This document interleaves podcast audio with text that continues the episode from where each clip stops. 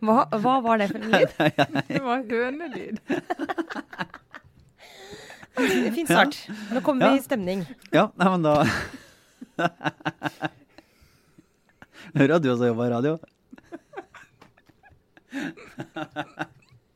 Eh, nei, da drar vi på med en ny utgave av Aftenpodden. Uh, vi er på plass alle tre. Politisk redaktør Trine Eilertsen. Hallo. Hallo. Og så har vi Sara Sørheim her. Hei. Og jeg er Lars Klomnes. Uh, denne uka så er det litt av hvert. Vi skal ut i verden. Med Ja. mye, det er mye, mye sladder og anonyme kilder og konflikter og forskjellige ting. Eh, så vi skal ha vi skal også litt Telenor. En liten innspurt på Sverige, så får vi se. Ja. Men, Ting eh, kan skje underveis, kan da. skje. Ja. Men eh, vi starter med det som var eh, onsdag kvelds store, store happening i bobla. Nemlig dette mm, leserinnlegget i New York Times. Du var på jobb da, Lars? Jeg var på jobb da, og da, da Det tente til da, vet du. Det var spennende.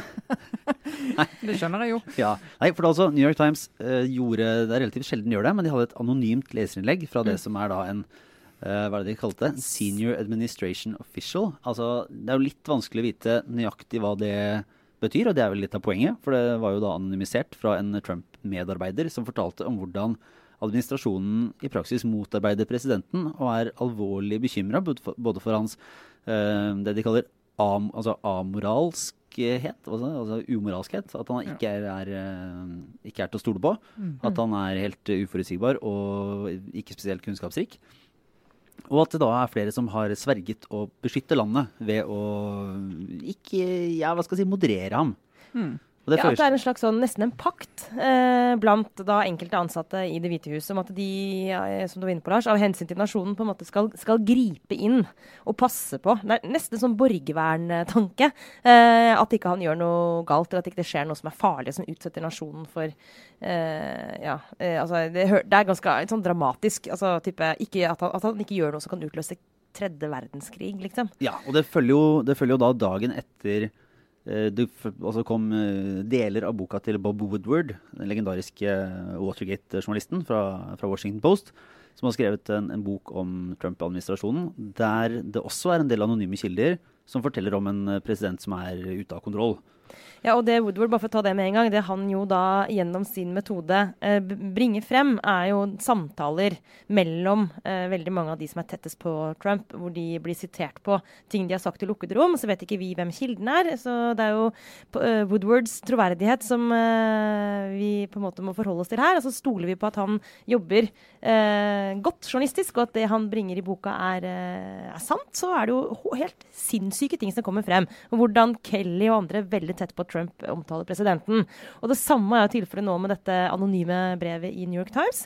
Det er jo New York Times som bringer fram med sin troverdighet, sier at Stol på oss, er, vi vet hvem kilden er, og dette er en som sitter tett på. Og så må vi bare finne ut av om vi stoler på det eller ikke. Og så er det jo sammenfallende, de to viktige premissene er jo at nettopp administrasjonen tar grep for å begrense egentlig Trumps makt. da. Ja, Ja. Det kommer frem i begge disse, både boka og, og dette her Ja. innlegget. Så det, er jo, det er jo egentlig to, eh, to store spørsmål, dette. Eh, Vi kan ta det første, som er altså den Hva betyr det når det kommer en sånn anonym beretning fra innsiden? Tenker du til det? Nei, det er, jo, det er jo helt spesielt. Helt oppsiktsvekkende. Altså, du har jo alle, altså, når vi sier administrasjon, så kan jo folk kanskje tenke at det er byråkratiet, men da mener vi jo regjeringsapparatet. Altså, dette er jo de valgte, det er jo politikerne. Eh, de som, eller de som er politisk eh, ansatt, eh, som skal støtte han. Og han, den, hun eller han som har skrevet dette, sier jo også veldig tydelig jeg er republikaner, og jeg tror veldig på mye av det programmet vi jobber for, politikken i det. Men vi prøver å, å dempe utslaget av noen av de verste trekkene ved, ved presidentens personlighet. Uh, så, han, så han er åpenbart politisk på, på samme lag. Mm. Uh, men så er jo, så er jo dilemmaet, da, når du får en sånn, eh, et sånt brev som det New York Times har fått. Så skal du plassere kilden, sånn som de har prøvd å gjøre med å si at det er en senior Administration Administration official? Ja. official. Sant? Altså en som er tett på Trump. Men så kan de ikke si så mye mer. Uh, fordi at da, eh, Hvis de blir mer konkrete enn det, så blir det veldig åpenbart hvem det er. Og nå foregår jo det virkelig sånn gjennomlysing av teksten for å se på ordbruk, temavalg, eksempler når du skal fortelle hvor uh, koko presidenten er.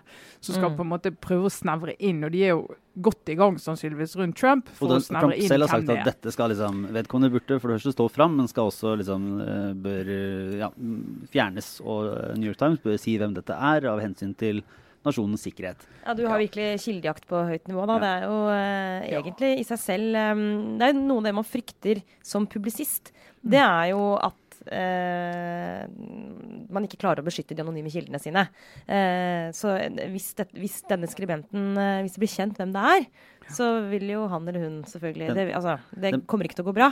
En av de teoriene som nå virkelig går, da, er jo Det var et spesielt ord som ble brukt i, denne, i teksten. så var dette hva det heter, også Lodestar. Var det ikke det de brukte? Og det er også altså ledestjerne, men det er et veldig, det er et veldig sjeldent ord å bruke. Og der har hun selvfølgelig funnet ut at en av de som har brukt dette, er da visepresident Mike Pence.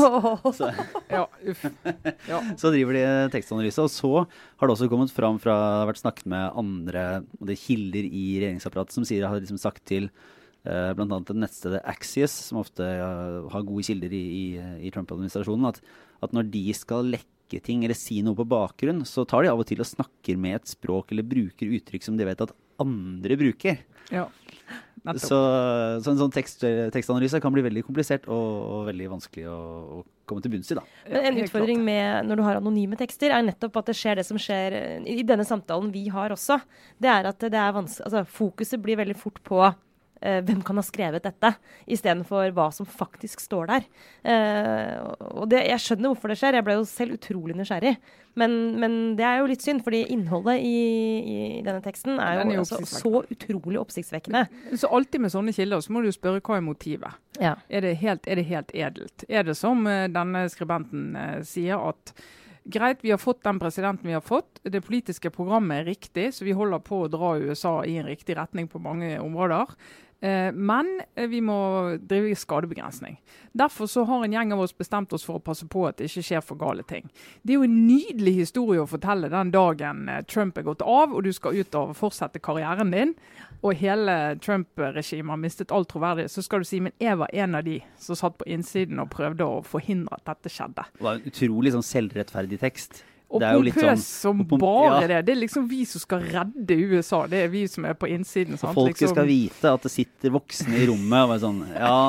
Grown-ups. Ja, altså, la oss ta den med en gang. For det, det er jo Jeg, det, uh, jeg vet da søren. Fordi OK. Um, jeg skjønner at uh, president Trump uh, faktisk for en gangs skyld skjønner egentlig den responsen på at det er, hvis du har det sånn, så stå frem og slutt.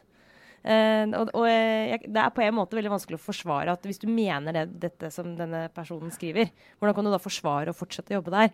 På en annen side er det ikke nettopp dette som er på en måte bolverket mot alt som kan gå galt når vi har dårlige politikere? Nemlig et embetsverk som gjør det de kan der de sitter, for å passe på at, uh, altså for å rette opp de største feilene. Og uten å sammenligne for øvrig, var jo eksempler på statsråder i Norge som ikke har vært flinke nok, og som har blitt reddet av embetsverket. Men sånn som jeg forstår det, er jo ikke et klassisk embetsverk på den måten. Nå er det jo riktignok sånn i USA at du velger jo politisk øverste nivå på embetsverket på en annen måte enn det vi gjør her. Ja. Men dette er jo en som er politisk uh, inne inne som en Altså det er ikke en grå byråkrat, liksom? Nei, det er jo ikke en byråkrat som om noen år skal jobbe for en annen president. Sånn tolker ikke jeg det i hvert fall. Nei, det har du nok rett i. Jeg tolker det som at det er en som er inne og jobber i, med Trumps prosjekt. Uh, og det er ganske sånn uh, altså for, for, å si det sånn, Hvis jeg var Donald Trump Gud forby.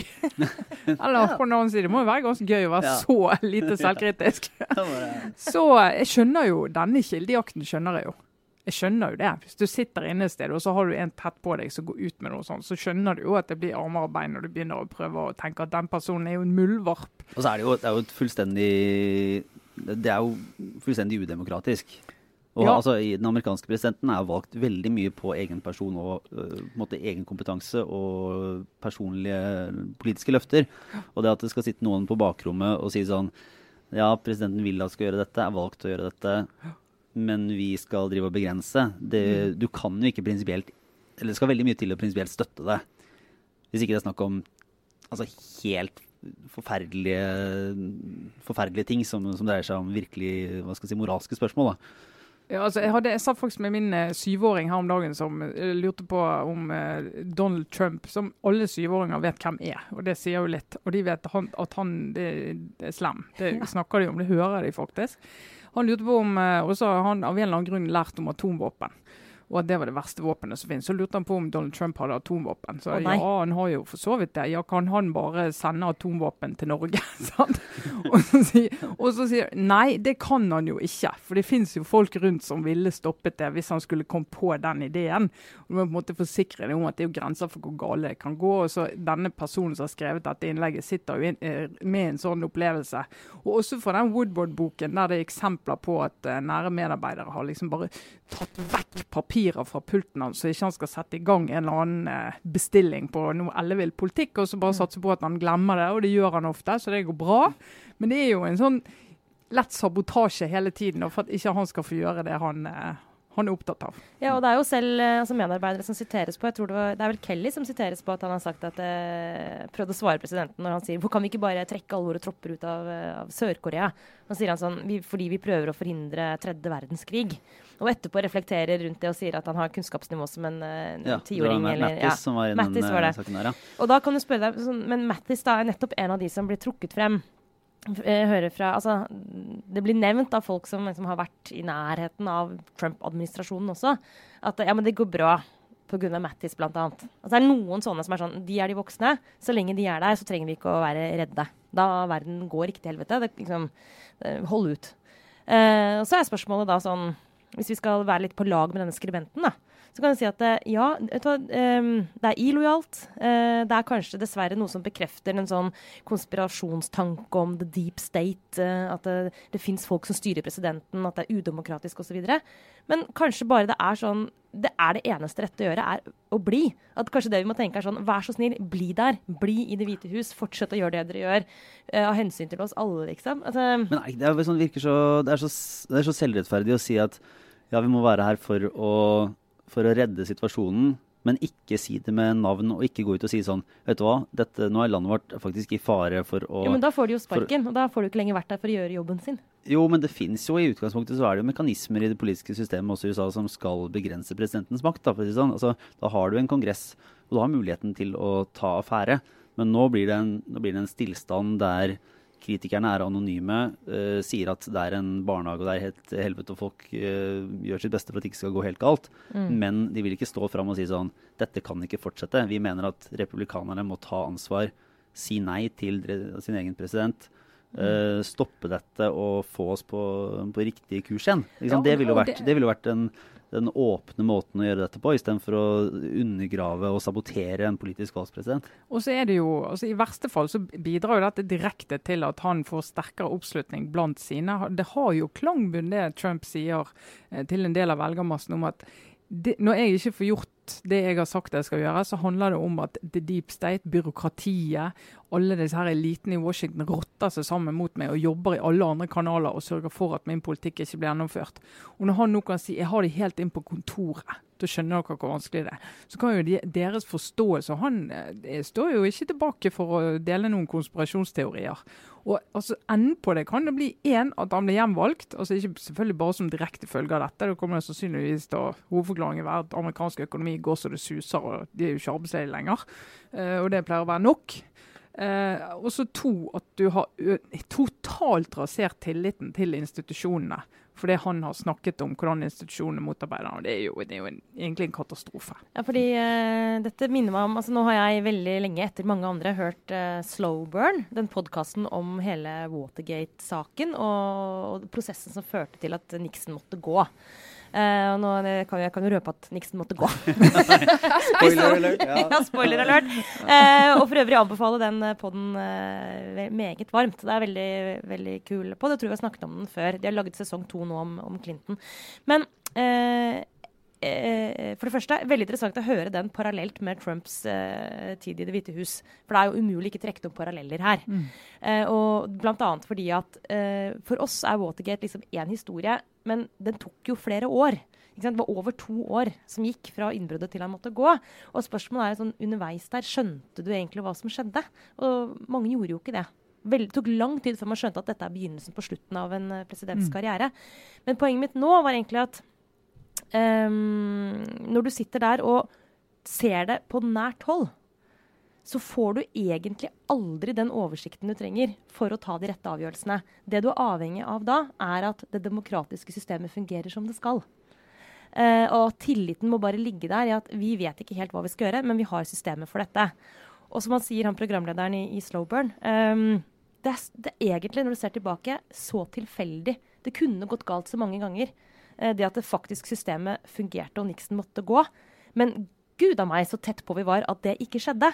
Men så sier han Men det skjedde. Mm. Og da er vi tilbake til liksom, kjernen i det du dro opp, Lars. Det er sånn, eh, Når du velger det som denne anonyme skribenten har valgt å gjøre, så har du basically valgt bort eh, mm. troen på at, at, det, at det funker. Lang omvei til den, ja. Eh, til den mm. konklusjonen, men det syns jeg, jeg, var en interessant parallell. Mm. Så Vi kan jo uh, fortsette med det hjemlige lille dramaet som har vært denne uka. Mm. Nemlig i den store, stolte bedriften Telenor. Der Berit Svendsen etter 30 år har uh, gått av, og etter noen uker, og egentlig år, med, med litt sånn, uh, hva skal jeg si, en slags slow burn av, av konflikt og og, og, opplegg med Sigve Brekke, konsertsjef. Altså, det er jo tidenes lengste varslede avgang, egentlig sånn ja. sett. Ja.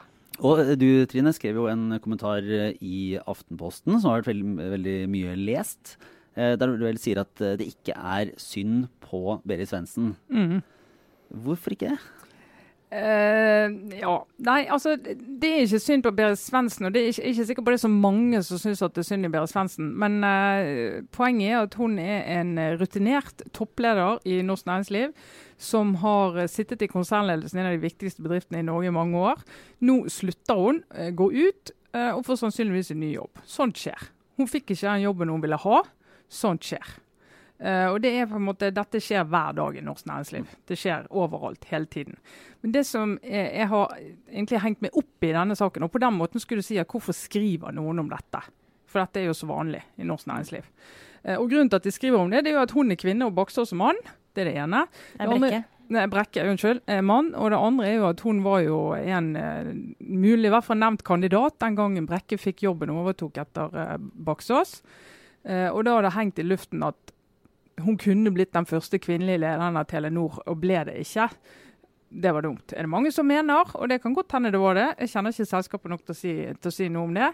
Og så er det jo det andre at det, det, har jo da lekket ut hele denne samtaleprosessen som de har hatt. Derfor skriver vi om det. Og det er børsnotert selskap, og et selskap vi er ekstra opp, opptatt av for det statlige eier og alt det der. Eh, men jeg mener jo at kjernen i saken er egentlig ikke veldig oppsiktsvekkende. Det er helt vanlig at en eller annen konserndirektør har samtaler med sin konsernsjef om veien videre. Det er også helt vanlig at uh, det er ganske kjipe samtaler kan være. Det kan være masse uenighet, det kan være sinne, det kan være gråt. Og så jeg har sett det i min egen verden, i Skipsted-systemet. Vi har jo hatt utskiftning av direktører i massevis de siste årene. For å si Det sånn, det er ikke alt der som har vært like koselig og forutsigbart, for sånn er det. Sånn er det bare. Uh, og da er det litt synd, syns jeg, eller litt rart, at dette automatisk blir tolket inn i en sånn en mangel på kvinner i toppledelse-historie. For jeg mener at dette er historien om en, om en, kvinne som er toppleder, og en mann som er toppleder, som ikke var enige om veien videre og alt det her. Men det er ikke nødvendigvis hele historien om Telenor og kvinner i ledelse. Det mener jeg blir for enkelt. Men det er for mange som har hoppet rett ned i den grøften der og tolker det som det. Og grunnen til at jeg er opptatt av det, det er at dette gagner ikke saken. Og saken er å få frem flere kandidater til toppledelse flere, eh, som er kvinner. Jobbe helt fra grunnen av, få de opp. Men hvis vi skal ta hver sånn sak, der en kvinne mister jobben, eller der vi liksom kan få ut lekkasjer på at eh, altså Som VG skrev i går, at eh, Baksås hadde irettesatt henne fordi at hun var for synlig. Ja vel, så har han det, da. Sånn er det. Mm. Altså, det, det altså, kan en mann òg ha fått. Altså, det er på en måte Å gjøre dette til en kjønnsting, det mener jeg undergraver saken. Som det, mange av oss er opptatt av. Ja, ja, men det som gjør det jo enda mer komplisert Jeg, jeg eh, er enig med deg her, Trine, i at det, det der at en kvinne mister jobben, trenger ikke være fordi hun er kvinne. Og det, um, det er et eller annet med at no, noen ganger er det det. Altså, noen ganger har, kjønns, uh, har, det kjønnsaspektet faktisk Det spiller faktisk inn. Gutteklubben Grei fins. altså det, det, er sånn at kvinner holdes sannsynligvis noen ganger ute av stillinger fordi de er kvinner. Ikke bevisst, men pga. kulturelle strukturer osv. osv. Jeg er like overbevist om det som jeg er om at uh, det ikke nødvendigvis er sånn at når en kvinne mister jobben, er det derfor. Dette er litt komplisert. Og så, for å gjøre det enda verre, legge på toppen av det Telenor har jo et problem med at de har for lite mangfold i toppledelsen. Ja, For det ligger i bunnen og har vært et problem i, ja, og det har jo. Brekke og styreleder Gunn Wærsted eh, egentlig både uh, innrømt og også adressert, og, og jobber sannsynligvis med. Men særlig den første ledergruppa til Brekke hadde jo veldig få kvinner. Og Telenor historisk har, har slitt med å få opp kvinner på øverste nivå. Det trenger heller ikke å ha noe som helst med Berit Svendsen å gjøre. Men det, det, det, er jo med på å fuele for å si det, altså det er med på å skape denne diskusjonen. Da. Ja, og Det som jeg syns er litt friskt, det er når en del uh, kommenterer og sier at uh, det er nettopp det problemet de har hatt med å få opp kvinner på det nivået, gjør at Berit Svendsen må skjermes. For det blir jo heller ikke riktig. Nei. Du kan jo ikke skjerme én kvinne fordi at du mangler noen andre kvinner. For det er, det er to forskjellige diskusjoner. Og så er det det at du skal se på, og dette er ikke for å forsvare Telenor. altså de har, de, Som alle andre børsnoterte selskaper i Norge, så ligger de langt bak der de burde i dette arbeidet. Bare la det ligge helt fast, inkludert vårt eget børsnoterte selskap, Skipsted. Uh, og vi har jo hatt disse rundene her. og Vi vet jo hvor vanskelig og hvor lang tid det tar å bygge opp den basen som gjør at når du sitter der og det er en konserndirektørstilling du skal besette, eller du skal liksom gjøre en rotasjon, at du har nok gode folk å ta av. Det er mange års arbeid. Mm. Og eh, det vi, vi, burde hatt i denne saken, er å si ok, hvordan er Telenor sammenlignet med andre eh, selskap i samme bransje. Vi vet at mange teknologiselskap kommer fra et sted der det har vært primært menn som har gått karrierestigen. Og Det har vært mye tyngre både tilfang på kvinner og å få de oppover på stigen. Mange grunner til det, men det er nå no, en gang der vi er. Og så må vi sammenligne med hvor de var for fem år siden. Og som vår eh, likestillingsminister, Linda hun... Katrine Hofstad Helleland. Ja, da fyrte det bra på Trine, kan jeg da, fra, mitt, eh, fra, mitt, ståsted et par, eller egentlig bare én meter unna Trine i. Ja, da ble jeg også så oppgitt. Ja, hun, hun, gikk ut og sa at dette nærmest var Hun sa det var uholdbart, var det det hun sa? Altså, ja, og så uholdbart. Og hva, det hun mente var uholdbart, det, var helt, det var liksom vanskelig å deskifrere. Men det hun sier da, uten å ha sjekket åpenbart, det var liksom at dette er liksom beviset på at Telenor er på feil vei. Altså på vei i feil retning. Og, og det sier hun om et børsnotert selskap, uten å ha sjekket om de faktisk er på vei i feil retning. For da må jo hun kunne påvise at det står dårligere til nå enn det gjorde for tre år siden og fem år siden. Og det har ikke jeg sett at hun har klart å bevise. Og det at en statsråd sier det, en Høyre-statsråd. Hallo, eierstyring, er du hjemme? Jeg vet du hva, det er så rystende. Men, men hvordan er det, det bare i uh, Hvis man skal, hvis skal anerkjenne at, at det kan være vanskeligere for kvinner som vinner toppledelsen i sånne selskaper. Og at det fins en gutteklubb, en grei, som av og til gjør det vanskeligere. Mm. Uh, hvordan er det man skal føre denne debatten? Altså, når er det Skal du aldri kunne påpeke altså det i konkrete situasjoner, eller hva det som trengs for å hva skulle trengs for å vise at dette var en sånn problematisk situasjon. Ja, jeg syns at dette var en interessant debatt den gangen Brekke ble ansatt. Og bare det, altså For å si for min egen del, det der CV-jukssaken til Brekke, det ødela alt for min del med tanke på hans troverdighet. Sånn, sånn forstår ikke jeg, uh, med mindre jeg har helt misforstått den saken. Så skjønner jeg ikke at det er mulig å, å komme unna med det. Eh, men den gangen var den debatten interessant. for Da var jo diskusjonen hvem var kandidatene, hvem har vært inne til intervju, altså hvorfor valgte de som de gjorde, hvorfor var plutselig Asia-erfaring så viktig. For da, da, snakker du om en, en, en, ansettelsessituasjon. Når du først er i toppledergruppen, du er i konsernledelsen, der Berit Svendsen har vært i mange år, og så skal hun enten slutte, flytte på seg, gå ut eller et eller annet. Og knytte det utelukkende til at hun er kvinne, det mener jeg blir, blir helt feilspor i denne debatten. Men jeg syns du er inne på noe interessant her. fordi Jeg er så enig at dette tidspunktet her, eh, det vi sannsynligvis har sett nå, er en reell maktkamp som Berit Svendsen tapte. Ikke sant? Ja. Og det er det sannsynligvis. Og det er egentlig ikke så mye mer enn det. Eh, men um, ja, det, altså det, som er, det, som er, klart, er jo at det har jo vært en maktkamp. Og eh, Berit Svendsen i denne prosessen har tilsynelatende eh, både vært ønsket til en annen rolle enn den hun har hatt. Og mm.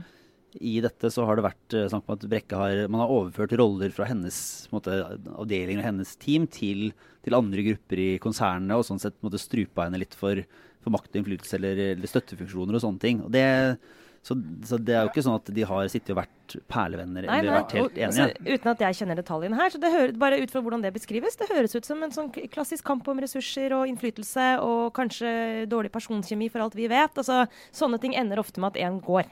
Ikke sant? Men, men, men, det som er interessant, er jo når du skal over i det strukturelle og ta den kjønnsdiskusjonen, så er det ikke disse tingene som er viktig. Det som er viktig, da, er f.eks.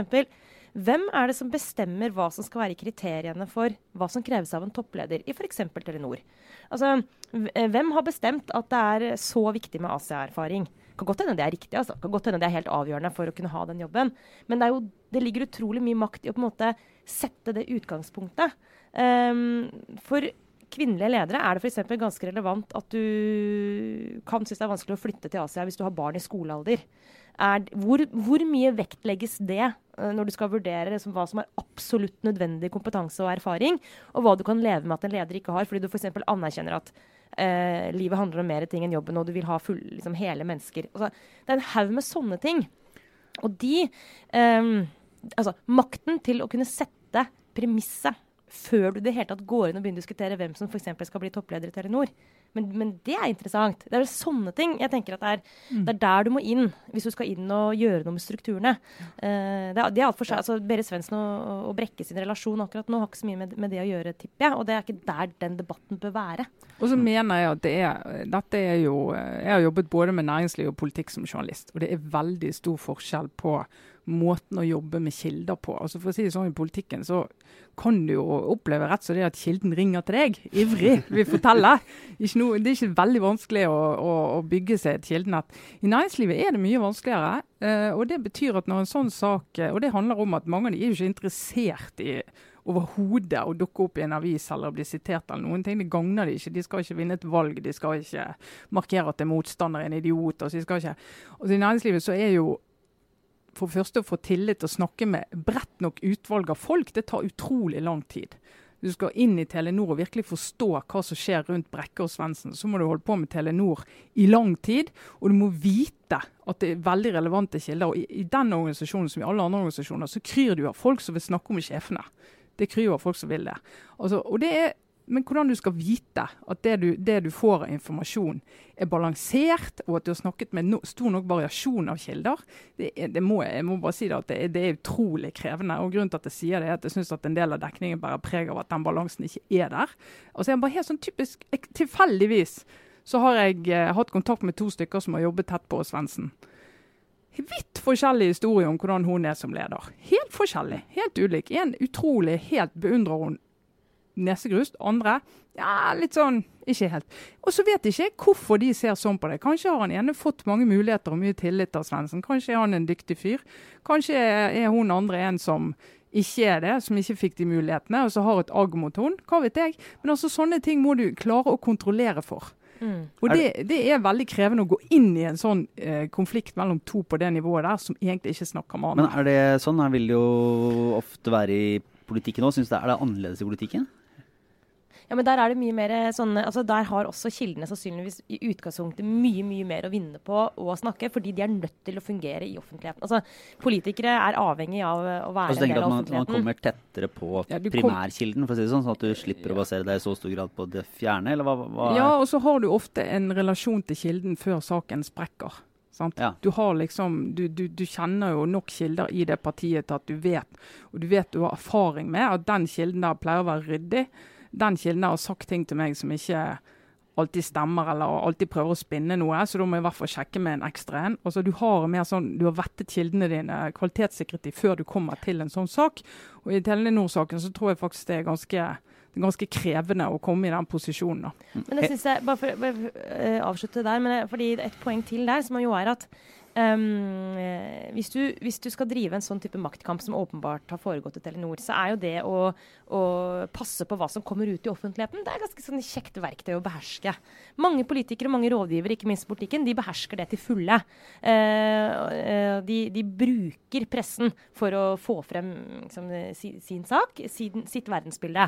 Og så er det vår jobb å balansere det ut. Um, det, det beste for alle egentlig er at alle snakker. Og så kan vi kan, Ikke sant? Og så kan vi, skal vi sortere. En, he, en, helt objektiv vurdering fra pressen der, men, eh, men, ja.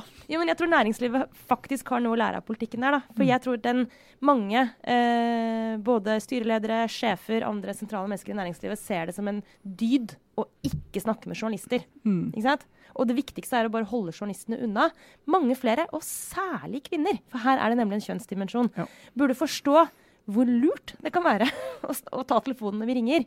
Eh, fordi det å få frem sitt verdensbilde, eh, det, det, vil hjelpe oss til å dekke eh, da selskapet f.eks. jobber i, bedre. Det, og, og, særlig kvinner, og det gjelder ikke bare næringslivet. Det, der mener jeg det er en reell kjønnsforskjell. Damer, kvinner, ofte for dårlige til å bruke den muligheten til å snakke med journalister.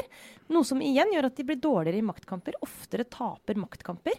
Så Det er et helt egen, sånn, det er et sett med evner. Mm. Uh, og hvis det er en kjønnsdimensjon i dette med Svendsen og Brekke, så vil jeg si at det i så fall må være um, om det er tilfeldig eller ikke at det var Brekke som tapte maktkampen. For én uh, ting er jo Vant. Nei, vant, ja. ja. Takk. Dette var kanskje Avslørte jeg. Nei, altså um, Det er mulig, i hvert fall uh, er det noen som har påpekt at uh, kvinner kanskje ligger litt bak menn når det gjelder uh, hvor flinke vi er til å virkelig drive maktkamp. Og det er Men Svendsen er jo kjent som en ganske hard nøtt i, i så tilfelle. Hun har jo, ja. måte, hun har jo vært ute helt fra Sigurd Brekke fikk den altså, fikk, fikk konsernsjefjobben, så var jo hun ute på en måte aksepterte tilsynelatende ganske villig rollen som den egentlige, altså som en utfordrer og den som egentlig kunne fått den jobben. Eh, der hvor mange andre, både menn og kvinner, ville vært sånn Denne prosessen, Sigurd Brekke er den nye sjefen, jeg har ingenting med det å gjøre, jeg har ingen mening. Hun valgte da å ta det kan du si, tok på en måte litt sånn kvinnekampen, men også da på egne vegne, og sa at lot i hvert fall skinne igjennom at hun burde vært en kandidat mm. og vært på intervju og sånn sett ja, og mange steder, var en spiller som burde tatt i betraktning. da. Mange steder er det jo den som taper en sånn runde, som slutter. Det er det jo. Og så kan man liksom mange mene noe om sluttresultatet, men det er, jo ofte, det er jo ofte krevende å gå videre hvis du er to i samme ledergruppe som har ønsket en sånn jobb. Det er det jo, fordi at da vil, vil du kanskje få diskusjoner som er, hvor ligger under at ja, jeg vil jo ikke jeg ville jo ikke gjort det sånn. Eh, og så er det jo noe med, med tilliten. Men, men, poenget er at vi vet ikke hva som har foregått i samtalene mellom de to. Jeg tror ikke at noen av de har gått ut av det rommet når de har hatt de møtene sine og fortalt alt som er blitt sagt til folk som igjen har fortalt det til, til journalister. Det tror ikke jeg på.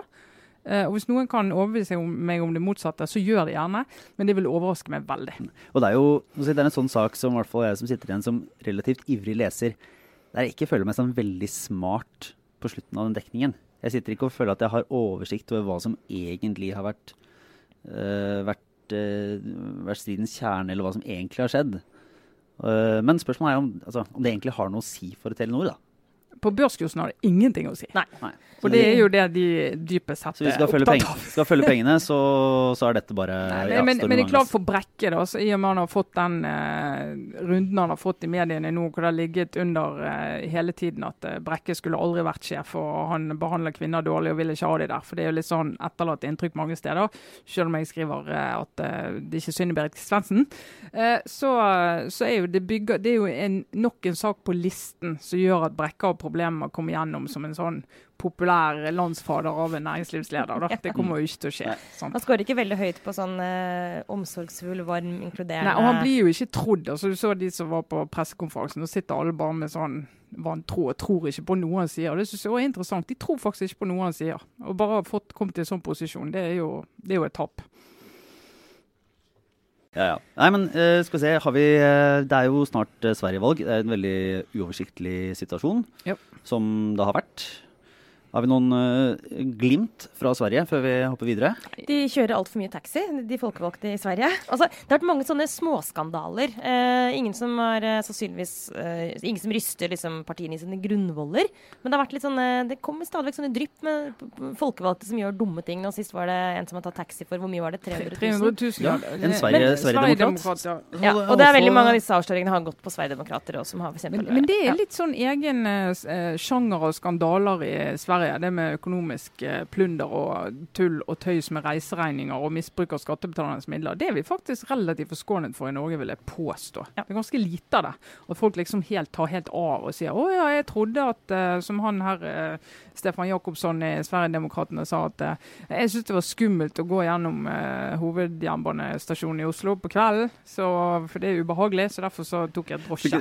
Ja. Og tok drosje sånn åtte mil, mil ja. på hockeykamp og sånn. Det var litt heftig riktig. Så han har jo faktisk trukket seg da fra listen. Og så hadde de jo én uh, medarbeider til forsvarsministeren, infomedarbeider til forsvarsministeren. Som drev noe eh, PR-byrå eller sånt? Drev, fortsatte med PR-byrået ja. sitt mens han var i jobb. Uh, og da er det sånn, ok, Hva kunder har han hatt? Han liksom sitter med statsråden den ene dagen, og hva har han gjort den andre dagen? Så der også er det jo en sånn gryende som, er, som er det sånne ting som jeg ikke helt skjønner. Føler jo at det ville jo vi ha funnet ut av norsk presse litt tidligere ja. enn rett før valget. Og Det er jo også, det var en, en sak da med flere, både en Sverigedemokrat og fra Moderaterna, som, som driver med dette, disse nettforumene. Der de da deltar i anonyme diskusjoner og slenger rundt seg med de groveste ting.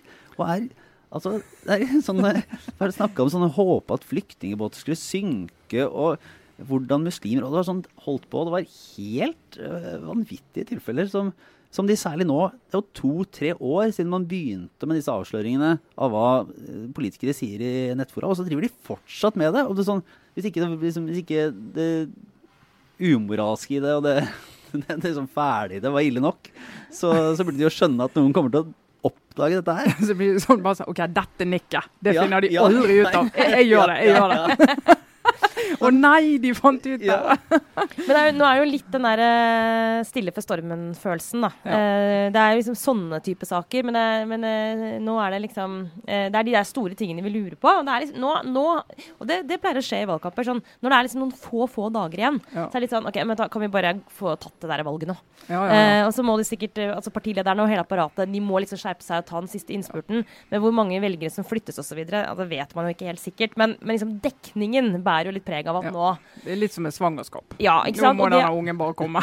og det alle vet, er jo at uh, nå er det egentlig bare å trekke pusten. Og så, by, så mest sannsynlig så blir det jo ingen avklaring uh, på søndag. Uh, det kommer til å være en lang prosess etterpå. Og det med mindre selvfølgelig alle har tatt feil, da. Mm. Men, men, det er disse tre, Sverigedemokraterna, Sosialdemokratene og Moderaterne, som, som, på en eller annen måte må gjøre opp seg imellom. Hvis de tre blir jevnstore, så er det en som vi har snakket om her før, ekstremt krevende parlamentarisk situasjon i Sverige.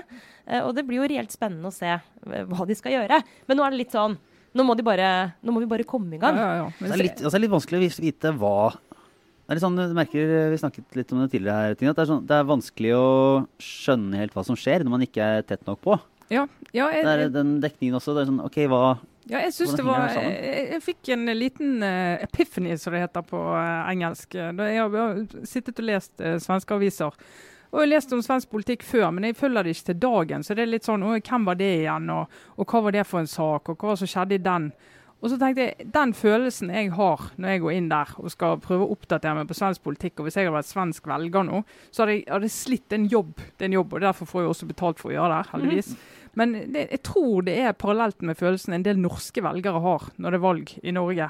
Eh, fordi at de, de, fleste norske velgere de følger jo ikke politikk dag til dag. Mm. Uh, og Det som jeg merker med dekningen, og så jeg tror du kan kritisere vår dekning for, det er at den er ganske innforstått.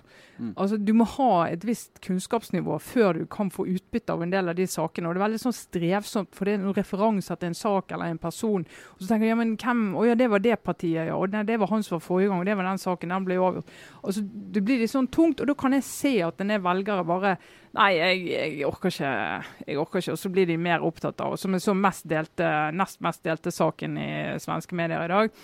Det var en sånn fra en kristen nettavis som har en barne, barnehageassistenten Anna som uten navn, Anonymisert? Ja, ja. Anonymisert Anna, også anonymisert en barnehage da i Sverige. Eh, som eh, hun skal ha jobbet i. Dette kan vi jo ikke kvalitetssikre. Og der det var altså sånn genuspedagogikk, som det heter i Sverige, et ord vi ikke har i Norge. Der du skal ha sånn Det fins ikke kjønn i praksis.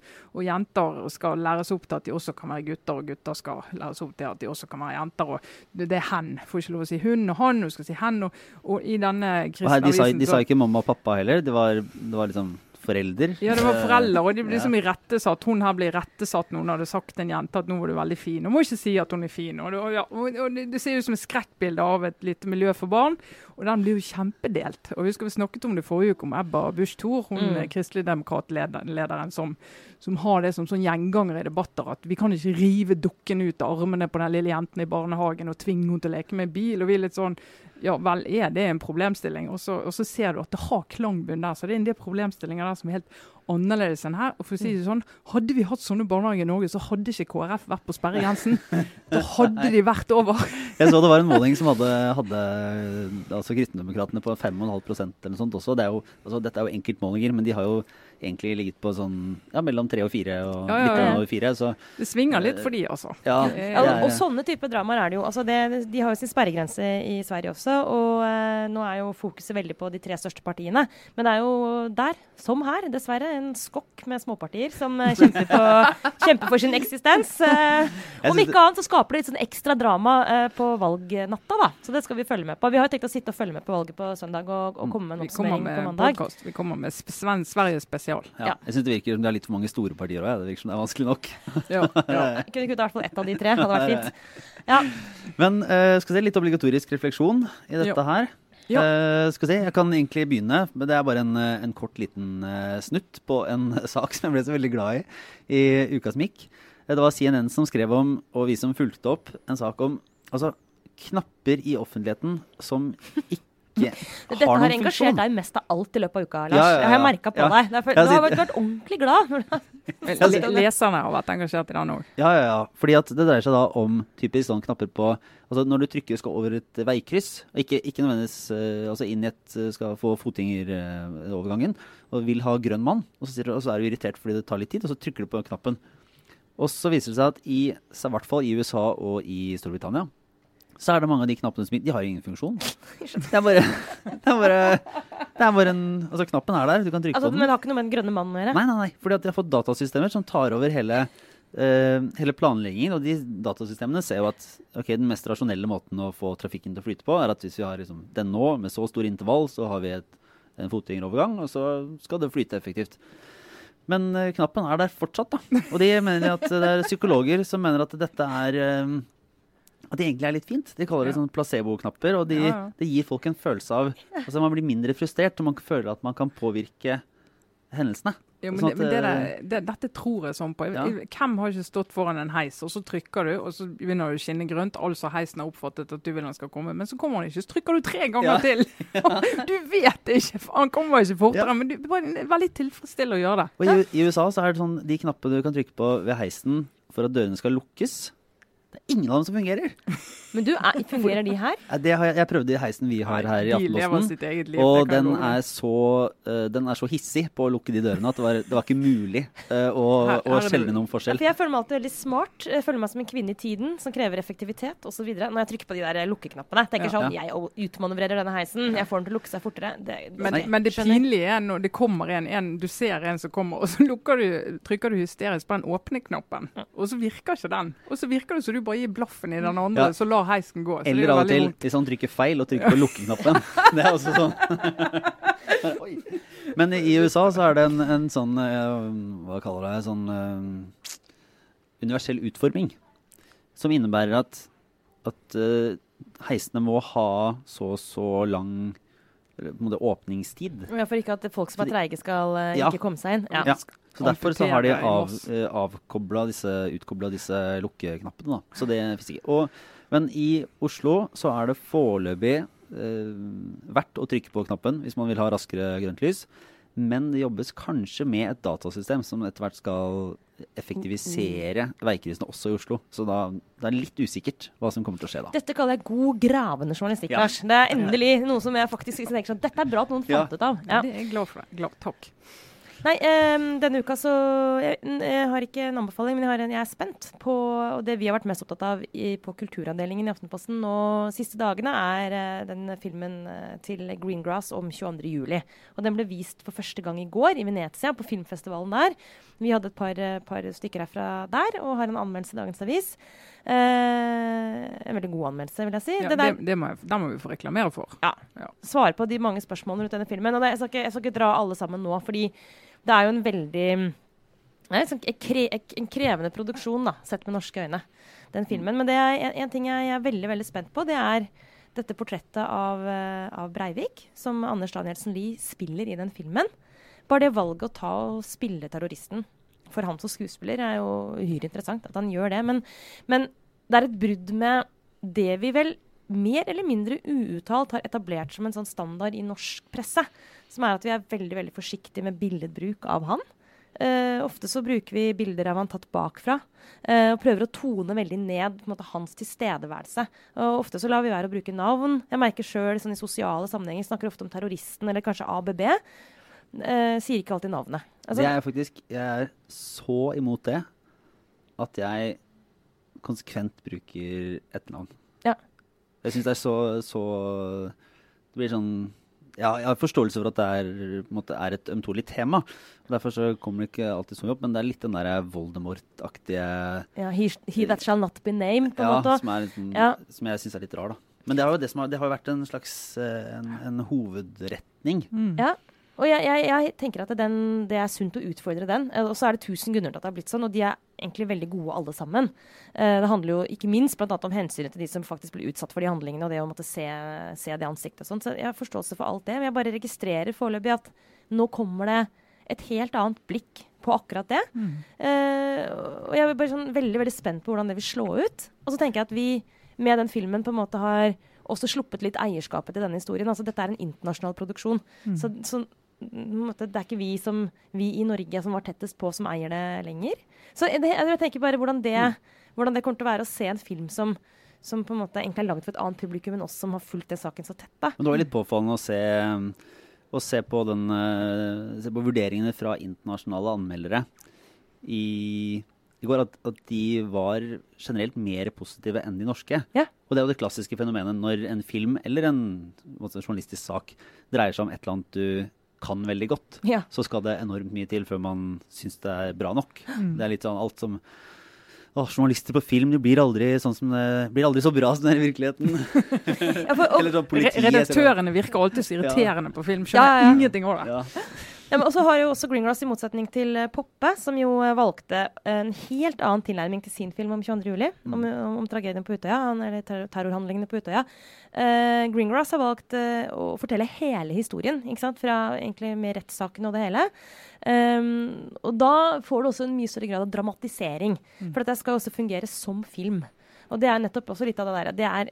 Det er krevende når du, når du lager en dramatisk fortelling om virkelige hendelser. Uh, og du er nødt til å kutte noen hjørner. Du må faktisk også noen ganger ta hensyn til historiefortellingen. Uh, men det jeg skjønner, som jeg tenker at er veldig lovende, da, det er jo at han har hatt et meget nært forhold til mange av de som han har brukt som karakterer. Eh, annet de familiene. Det er, eh, en, særlig en norsk familie som, som spiller hovedrollene i, i filmen. Og det er etter hvert som jeg forstår, så har liksom Greengrass som, som regissør vært veldig tett på. Mm. Det lover jo godt for at uh, nyansene er ivaretatt. da. Men jeg må si, jeg er utrolig sånn spent på akkurat dette filmprosjektet, kjenner jeg. Så er det, jeg må, uh, han har jo lagd måte vanskelige sånn sett filmer før. Han lagde den United 93, som dreier seg om det, altså det flyet som, som, uh, som styrtet uh, 11.9.2001. Mm, det som var på vei til Pentagon. Pen ja. Ja. Jeg var på vei til det var det? Det styrt, slutta, styrta i Det traff jo etter Pentagon, så det Du har rett, selvfølgelig. Pennsylvania eller et Det var det som aldri kom fram til Det hvite hus. Ja. Mhm. Men uh, i hvert fall og, uh, Så han har jo litt øvelse med det, selv om det er en film jeg faktisk ikke har sett. Fordi jeg har tenkt at det er ikke sikker på om jeg orker. Jo, den er kjempegod. Ja. Den, den, er, den er utrolig ubehagelig å se. Jeg ikke, jeg, jeg helt, altså, det kommer jo selvfølgelig også 22. juli-filmen til å være. Altså, det er helt umulig å unngå, det, og det skal den være. Det skriver også vår anmelder. Det, selvfølgelig skal det gjøre vondt å se på. Den uh, United 93 altså, den er en utrolig klaustrofobisk, uh, fæl film å se. Men den er veldig, veldig god. Altså, nå har jeg et helt av Men ikke sant? Interessant, fordi der er jeg plutselig den langt, langt borte fra. Altså 11. september. Det har jeg sant, naturlig nok et helt annet uh, forhold til enn eh, 22. juli. Mm. Så der er det det omvendte. Uh, ja, nei, så, det- men uh, jeg tror, da, for å konkludere, at jeg mener at man må inn i disse historiene og bruke filmformatet til å fortelle dem. Jeg har sånn grunnleggende tro på det. Ja, man, men- man må ja. jo det. Så det, Ja. vi kan ikke si at man ikke skal det. Nei. Og så er det som du sier, og det syns jeg egentlig er godt sagt, at det er ikke lenger bare vår historie, altså Norges historie. Det er en historie som både på grunn av bakgrunnen for det som skjedde, og det som faktisk skjedde, er interessant å både få høre om og bli fortalt andre steder. Og på andre måter enn vi, mange her ville gjort det. Mm. Så er det altså også bare helt, helt avslutningsvis for det, jo- altså det, det virker som de tar en ganske politisk tilnærming til den. Og det er jo litt interessant å se, for man har jo også vært i Norge på en måte, ja, bala litt med hvordan man skal tolke Da Breivik som en, på en måte, er han en politisk aktør, er han syk, er han, altså hvordan hele det er. Det å få noen andres blikk på den situasjonen kan jo være ganske interessant. Mm. Ja, og det da at de er så opptatt av eh, altså Han nevner jo Greengrass selv nevner jo flyktningkrisen eh, og eh, høyreekstremismen og utviklingen av høyrepopulistiske partier i Europa. Altså på en måte som vi har jo vært mer forsiktige med i Norge. sant? Mm på mm. godt og vondt, fordi vi ikke har ønsket at dette skulle bidra til en polarisering. Men som jeg tror sett utenfor for andre land, så er det nesten litt rart. Eller det er veldig rart. For du, klart, du må jo snakke om det, for det var jo det som var bakgrunnen for mm. det. Eh, en høyreekstremisme. Det kan være at det er akkurat det vi trenger faktisk også for at den diskusjonen om, om 22. juli som, som, pågår, og som kommer til å pågå veldig lenge, mye lenger, og som bør gjøre det i det norske samfunnet. Det bare endrer litt karakter. Men det kan godt hende at dette kommer til å være et fint bidrag til at vi også begynner å diskutere 22. juli på en litt annen måte. Eller jeg, det er et håp, i hvert fall. da. Så får vi se. Det får vi se. Nå spenner buen litt høyt, da. Men det kommer på Netflix i oktober, så da får vi sett den alle sammen. Ja. Og du, ja. Nei, anbefaling. Uh, hvis, vi, vi, er jo litt inne i USA for tiden, og vi er inne i checks and balances og alt det her. I USA så pågår det akkurat nå disse dagene her uh, en høring av den uh, potensielle, eller den som alle tror blir en ny høyesterettsdommer, Brett Kavanaugh. Trumps nominasjon, da, åpenbart. Uh, og da skal uh, senatorene spørre ut uh, Brett Kavanaugh, og så skal de finne ut om han er egnet for, for denne jobben. Og så er sitsen sånn at han nok høyst sannsynlig kommer til å få den. Men som The Daily, New York Times sin daglige podkast, har en podkast i dag, kommer vel, eller i natt, som jeg faktisk anbefaler veldig for de som er interessert i å skjønne litt mer av det her. Eh, og ikke minst hvordan denne dynamikken mellom demokratene og republikanerne fungerer i en sånn utnevnelse. Den er jo alltid, Selv om en sånn dommer er jo ikke en, altså et politisk valg på den måten at uh, vedkommende skal sitte med politikken og ta avgjørelser. Og Det er jo noe av det de spør veldig mye om. altså Tar du med deg dine politiske synspunkter inn, eller klarer du å gå åpent inn i alle saker? Uh, og alle dommerne prøver å overbevise om at det er nettopp det de gjør. De tar liksom juridiske og unike uh, vurderinger for hver sak.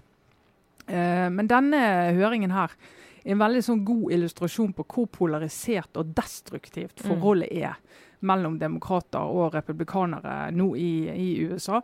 Og hvordan hele høringen, starten på høringen på å bli helt ødelagt fordi at demokratene denne gangen gjorde alt de kunne for å sabotere en høring som de aller fleste, med mindre noe helt spesielt skulle skje, mener vil ende med at han får denne plassen. Mm. Uh, og der faktisk en, eh, en, liberal, eller en demokratisk da, advokat var inne som hans vitne og sa det at kjære demokrater, eh, dere skulle sikkert ønske dere en annen høyesterettsdommer, men hvis dere først skal ha en republikansk utnevnelse, så er dette det aller beste dere kan få. Snakket veldig varmt for Kavanaugh. Mm. Eh, men det er interessant. Det er deilig i New York Times i dag. Ja, men dette er nok et eksempel på det som kanskje viser seg å bli en rød tråd. Ikke bare denne sendingen, men sånn, dette er en veldig, eh, altså den problemstilling som mange møter for tiden, er jo nettopp det samme ikke sant, som, som denne White House-ansatte.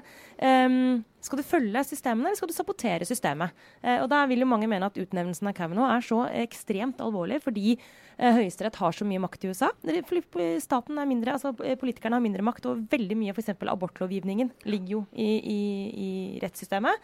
Og høyesterettsdommerne har siste ord i utrolig mange saker. Og, og det, mange vil si det må ikke skje at Trumps mann nå kommer inn som tungen på vektskålen i Høyesterett eh, rett før vi kanskje står foran en situasjon hvor det er snakk om en rettsprosess mot Trump. Nå foregriper jeg mange ting, det er ikke sikkert det ender der.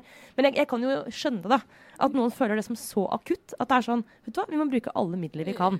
Men jeg tror dessverre du har rett, Trine, i at det, det, Poenget er at det kan kanskje virke lurt der og da, men det å sabotere sabotere dine egne demokratiske prosesser. Ja. Det bare fører ikke noe godt med seg. Ja, det, først er det var en interessant eh, demonstrasjon. Det var jo alle disse kvinnene som hadde kledd seg i kostymer som er de samme de bruker i Handmaid's Tale, ja. for å markere at uh, de er redd for uh, hvor Kavanaugh skal gå i abortsaken. Ja, og det er helt det er jo helt, altså, det er helt legitimt, reelt fint at de gjør, men det der å liksom prøve å sabotere selve høringen det er jo Men kan, ja, ja. Nei, vil jo, Demokratene vil jo si at uh, republikanerne gjorde det med, med, kandidaten til Obama, Merrick Garland, som det det aldri som er, fikk en høring. Men, og, men da er vi inne i sånn pingpong. Ja, og det er det som er problemet. For dette her har jo demokratene har jo skutt seg sjøl i beinet for lenge siden. De har jo vært med på å lage denne kulturen som gjør at nå, nå sitter vi her. Og det som gjør hvis du skal se det store bildet, er at USA ikke får en komplett benk av høyesterettsdommere og liksom ikke fungerer så godt som de kunne gjort i en del saker. Så det, det gagner de på kort sikt, men på lang sikt så er det helt ødeleggende. Men da tror jeg vi runder av for denne uka. Så satser vi på en liten uh, svensk valgspesial. Uh, en kort oppdatering på det som måtte komme der. Hva, I den grad det er mulig å tegne noe som helst kart. Ja. Søndag, ny valgnatt. Eh, I min familie hadde vi alltid sånne pizzahorn. Jeg skjønner ikke hvor det kommer fra. Men mamma bakte sånne horn med sånn pizzafyll inni. Men det, sånn har det blitt. Så nå har jeg allerede prøvd å finne på internett. Sånn, om jeg, det, det, er det skal valg- bakes i det sørheimske hjem. Det skal være valgvake. Altså, jeg, jeg gleder meg jo veldig til det. Det er jo, Selv om jeg også må innrømme at det, noen ganger skjønner jeg ikke helt hva som foregår på andre siden av grensa der. Men det blir utrolig spennende nå på søndag. Jeg gleder meg til mandag. Vi må jo prøve å, vi vet ikke helt om vi klarer å gjøre det tidlig nok til at alle får hørt det på vei til jobben. I hvert fall før de går fra jobb på mandag. Ja. Skal vi ha lagd en sending. Ja. Det skal skje. Det, nå sa jeg det høyt, det var greit, det? Ja da, ja da. Ja. Og så kan vi jo ellers bare si at vi legger ut eh, masse ting på Facebook-siden. Og der ligger det også en mulighet, siden vi jo er en eh, Siden vi jo eh, lever av penger, vi òg, så eh, de som er aktuelle som annonsører i Aftenpodden Fordi jeg Altså, show me the money. Her er det eh, der, der står også litt sånn kontaktinfo for de som måtte tenke at eh, dette er en kanal for å påvirke og selge masse skrap og fine ting. Akkurat som, som Lars nå solgte sin sjel til uh, Nei, vet du, vi, vi har så oppegående, smarte lyttere, så de annonsørene som ikke vil nå de, de kan jo bare gå, Ja. gå et annet sted og annonsere. De bør høre på. Nei, vi får se. Vi er tilbake neste uke. Det var dette for denne gang. Det var Trine Eilertsen, Sara Sørheim og Lars Klomnes. Ha det bra.